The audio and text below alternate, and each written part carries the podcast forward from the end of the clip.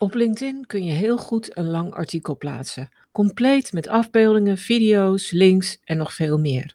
In zo'n artikel kun je kennis delen, onderzoek publiceren of eigen observaties en inzichten naar voren brengen. In deze podcast hoor je hoe je jouw artikel zo optimaal mogelijk plaatst en deelt en ook hoe je er vervolgens het maximale uithaalt.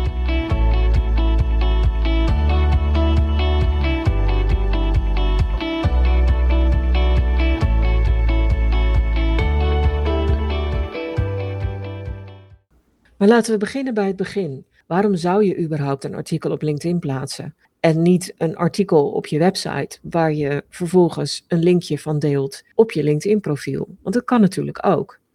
Maar er zitten een paar voordelen aan het plaatsen van een artikel op LinkedIn. Allereerst is het feit dat iemand op LinkedIn blijft. En die wordt niet naar een andere site gestuurd. En zeker iemand die op zijn mobiel in de app zit, die wil gewoon op LinkedIn zitten en kijken wat zijn relaties doen. En die wil op zich misschien nog wel meer lezen en de verdieping opzoeken. Maar die wil waarschijnlijk niet zomaar uit de LinkedIn-app gestuurd worden naar een browser en daar op jouw website een artikel lezen. En er is nog een andere reden waarom artikelen over het algemeen beter werken dan links naar artikelen. En dat is dat LinkedIn het zelf ook niet fijn vindt dat mensen de app verlaten om naar een website te gaan. Want zolang mensen op de app zitten, A, wordt de app beter gebruikt. En B, als veel meer mensen op LinkedIn zitten, dan kan LinkedIn natuurlijk ook veel meer advertenties vertonen. En dat is toch een van de manieren waarop ze hun geld verdienen. Maar er zijn nog een paar andere redenen om een artikel op LinkedIn te plaatsen. Het is bijvoorbeeld heel eenvoudig om te doen. Het is vrij eenvoudig om kopjes, tekstjes, plaatjes, video's, etc. te plaatsen. Wat er ook aardig aan is, is dat je artikel uiteindelijk vindbaar wordt op LinkedIn. Dus op het moment dat mensen iets zoeken op LinkedIn, dan kan jouw bericht, jouw artikel bovenaan komen op het moment dat daar bepaalde keywords in zitten die matchen met een zoekopdracht van degene die iets zoekt. En wat ik ook nog een voordeel vind, is dat je je artikelen die je op LinkedIn plaatst heel mooi kunt uitlichten in je uitgelicht sectie. Die staat bovenaan je profiel. En op het moment dat je waardevolle, inhoudelijke, verdiepende artikelen plaatst op LinkedIn, kun je die naar voren laten komen in je uitgelicht sectie, waardoor mensen die op je profiel komen meteen een goed beeld hebben van de kennis en de expertise die je in huis hebt. Klinkt allemaal hartstikke goed natuurlijk, maar helaas zijn er niet alleen maar voordelen aan. Want een grote nadeel vind ik is dat LinkedIn toch af en toe wel wisselvallig is in wat ze nou aan wie laten zien. Het lijkt wel of het algoritme voortdurend wordt veranderd. En een hele tijd werden artikelen echt goed getoond aan je connecties en aan connecties van je connecties. En de laatste tijd valt de zichtbaarheid van artikelen ineens weer tegen. En dat is wel erg jammer. Maar dan nog zijn er wel een aantal best practices en een aantal tips waardoor je meer uit je LinkedIn-artikel kunt halen. Allereerst je omslagfoto. Mensen willen natuurlijk graag een mooi beeld hebben. Ofwel iets dat esthetisch is, ofwel iets dat een bepaalde impact heeft waardoor hun oog getrokken wordt. Dus die omslagfoto die kan al heel veel doen en die kan ook laten zien waar een artikel over gaat natuurlijk, maar die kan ook als kauwgom het oog er naartoe trekken. Let daarbij wel goed altijd op de juiste afmetingen. LinkedIn is niet verschrikkelijk veranderlijk, maar recent is de afmeting van die omslagfoto toch weer veranderd. Hij is breder en minder hoog geworden. En ja, dat kan over een tijdje zomaar weer anders zijn. Dus momenteel is hij 2000 pixels breed en 600 pixels hoog. Maar wie weet is het over een tijdje weer anders. Dus het is altijd goed om dat even in de gaten te houden, zodat je beeld echt tot zijn recht komt. Dan is er wat onderzoek gedaan, al een paar jaar geleden, naar de impact van titels en inhoud van een artikel op de lezer en op de vindbaarheid en de zichtbaarheid ervan. En daar kwam uit naar voren dat titels van 40 tot maximaal 50 karakters het beter doen dan veel langere of veel kortere titels. Wat er ook uit naar voren kwam, is dat je beter geen vraag in je titel kan zetten, maar dat je liever meteen laat zien in de titel wat er te halen is en wat de winst van het lezen is. En daar bleek ook uit dat op het moment dat een, het een duidelijk hoe-doe of een lijstje artikel is, en dat blijkt dan natuurlijk ook als, uit de titel als het goed is, dat die artikelen het weer beter deden dan artikelen die niet zo praktisch van aard waren. Natuurlijk kun je ook verrassen met je titel en mensen intrigeren. En dat werkt altijd heel goed. En Uit online titelonderzoek blijkt ook dat een cijfer in je artikel het oog trekt, omdat een cijfer duidelijk afwijkt van de woorden die eromheen staat. Dus dat trekt letterlijk het oog. En een cijfer past natuurlijk ook heel goed bij een lijstje artikel waarin je de 10 beste tips voor dit deed of de vijf ideale manieren om, nou ja, puntje, puntje, vult mezelf in. Dus je titel kan al heel veel doen. Wat ook slim is, is om echt structuur aan te brengen met tussenkoppen. En om niet de hele lange alinea's te maken die alsmaar doorlopen. Dus gebruik ofwel tussenkoppen of gebruik wit. Want mensen willen scannen online. En zeker online wil je niet te lange alinea's hebben. Dan de lengte van je artikel. En daar kan veel om te doen zijn. Uit het onderzoek wat ik eerder noemde, bleek dat vooral lange artikelen het goed doen. En met lang bedoel ik artikelen van meer dan duizend woorden.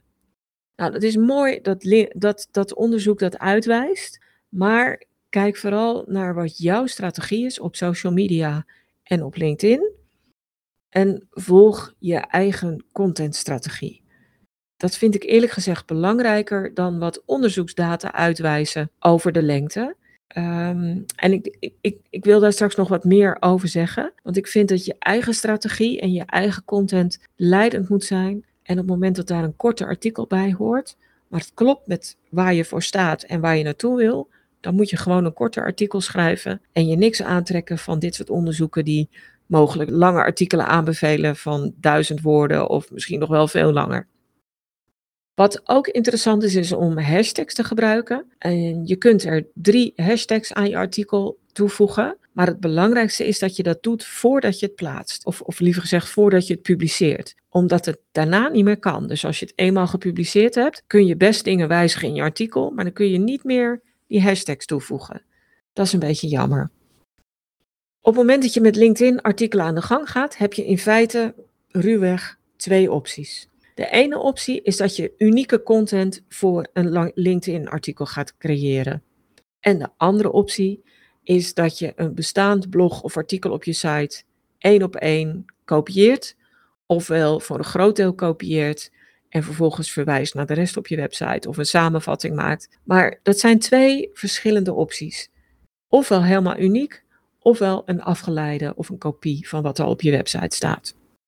Nou, wat nou als je kiest voor unieke content? Wat, waar zou je dan aan kunnen denken? Welke onderwerpen doen het dan goed in een LinkedIn-artikel?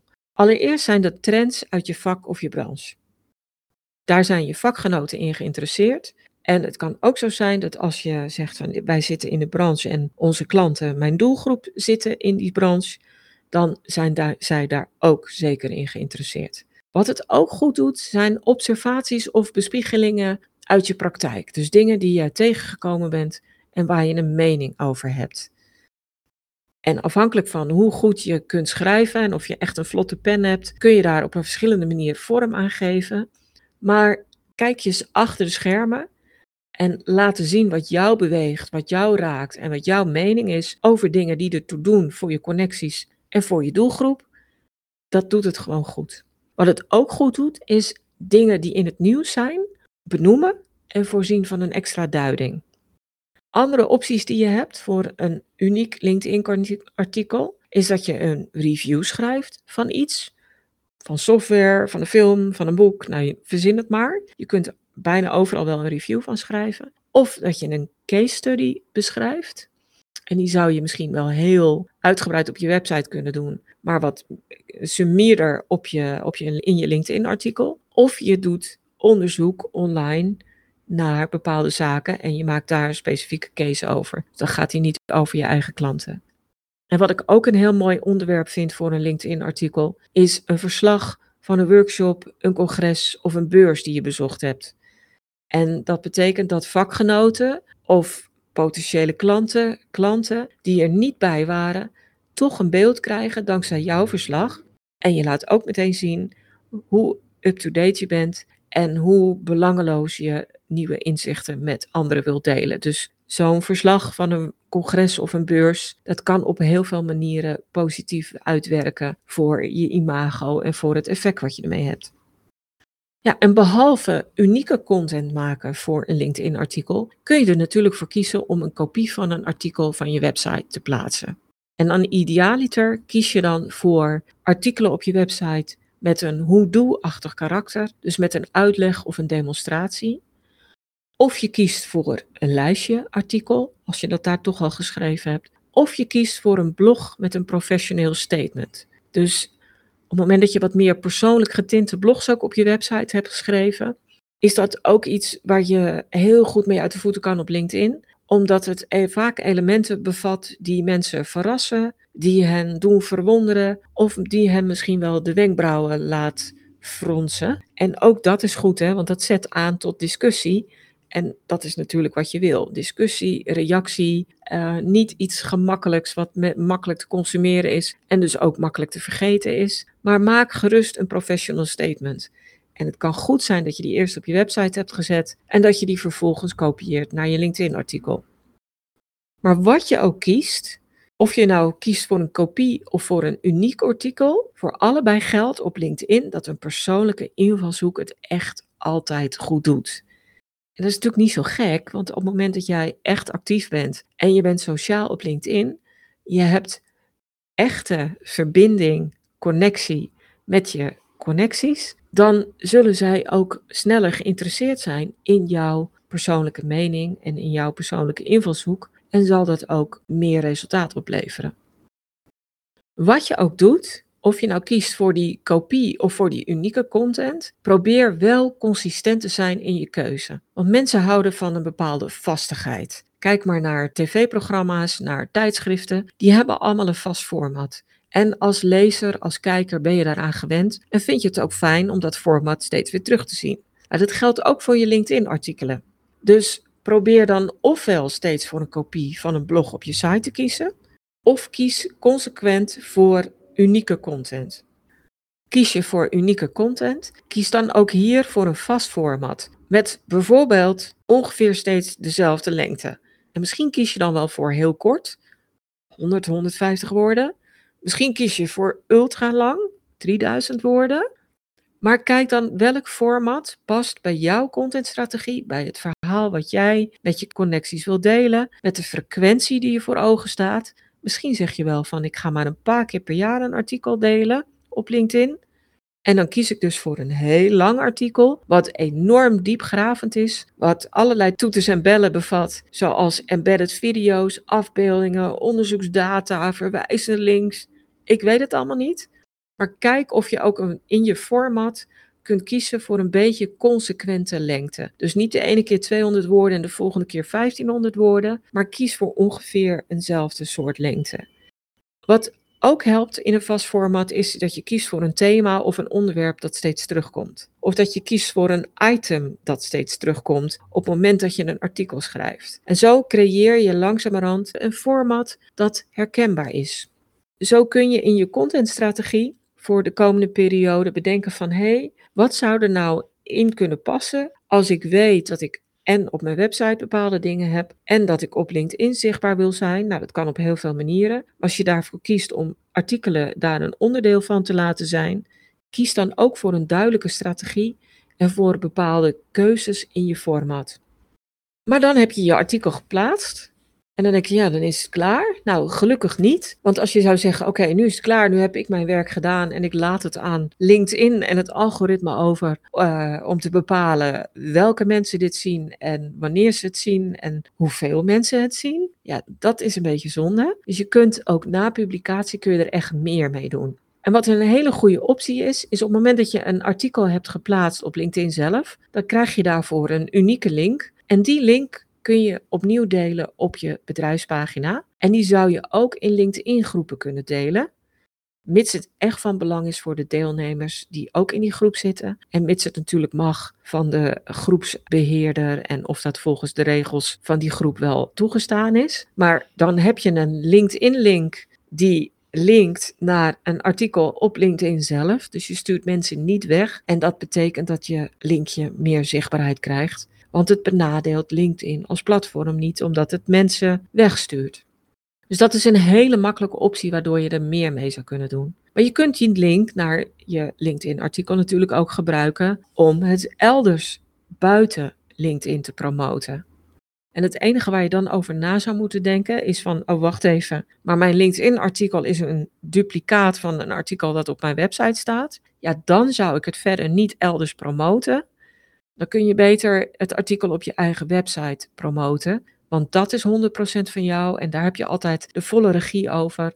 En je eigen website zou voor moeten gaan boven je LinkedIn-profiel. Dus doe dat dan niet. Maar op het moment dat het unieke content is, content die niet echt concurreert met je eigen website, dan kun je je LinkedIn-artikel ook heel goed elders promoten. En als eerste komen dan natuurlijk andere social media op. En met name Twitter. Want wat heel goed kan, is dat je ofwel een gewoon uh, post maakt met een klein stukje tekst plus het linkje. Maar wat je ook heel goed kunt doen, is dat je een Twitter draadje maakt, waarbij je de highlights en de kernpunten uit je artikel eventjes vervat in verschillende onderdelen van een draadje. Daar kan eventueel ook een afbeelding bij. En dat je op die manier mensen meer attendeert op je artikel op LinkedIn. Je zou ook naar unieke content kunnen verwijzen vanuit je eigen website. En je kunt een LinkedIn-artikel, als het uniek is en anders is dan je website-content, natuurlijk ook heel goed delen in je nieuwsbrief. En net noemde ik Twitter, maar je kunt het natuurlijk ook op andere social media uh, delen. Je zou kunnen kijken of je het op Clubhouse zou kunnen gebruiken als audiofragment. Je kunt het natuurlijk ook op uh, Facebook opnieuw delen. Bijvoorbeeld door een deel van het artikel over te nemen en door te linken met een lees meer naar LinkedIn. Dus zo heb je heel veel opties om je LinkedIn-artikel ook elders te promoten. En om steeds meer ogen voor je artikel te krijgen. En dat kun je direct na plaatsing doen, maar doe het eventueel ook nog na verloop van tijd. Dus probeer na een, een frequentie te maken waarbij je opnieuw aandacht vraagt voor dat artikel op LinkedIn. En zeker als je niet zo heel vaak artikelen op LinkedIn gaat plaatsen. Bijvoorbeeld omdat je zegt, ik doe het maar één keer per maand of één keer in de twee maanden of één keer in het kwartaal. Als het dan een heel valide en gedegen artikel is, wat van waarde is voor jou en je bedrijf, ja, promoot het dan af en toe en verwijs er weer naar. En zo blijft het artikel actueel en zal het ook uiteindelijk meer zichtbaarheid krijgen op LinkedIn en ook beter vindbaar zijn op LinkedIn voor mensen die naar dit soort onderwerpen zoeken. Ik hoop dat ik je hiermee ideeën heb gegeven om veel meer uit je LinkedIn-artikelen te halen. Zowel in de keuzes die je voor je LinkedIn-artikel maakt voor het format, als voor hoe je het inricht en ook hoe je het promoot. Dankjewel voor het luisteren. Voel je zeker vrij om deze aflevering van de Content Divas podcast met anderen te delen als je denkt dat dit van pas kan komen. En heb je zelf een handige tip of inzicht opgedaan met deze aflevering, dan hoop ik dat je een review wil achterlaten. Heb je nog meer vragen? Zoek je meer informatie? Neem dan zeker een kijkje op de website. Die vind je op stroop.nl met dubbel S. En daar vind je natuurlijk ook die handige content kennisbank waar je allerlei gratis checklists, stappenplannen, handleidingen en nog veel meer kunt vinden.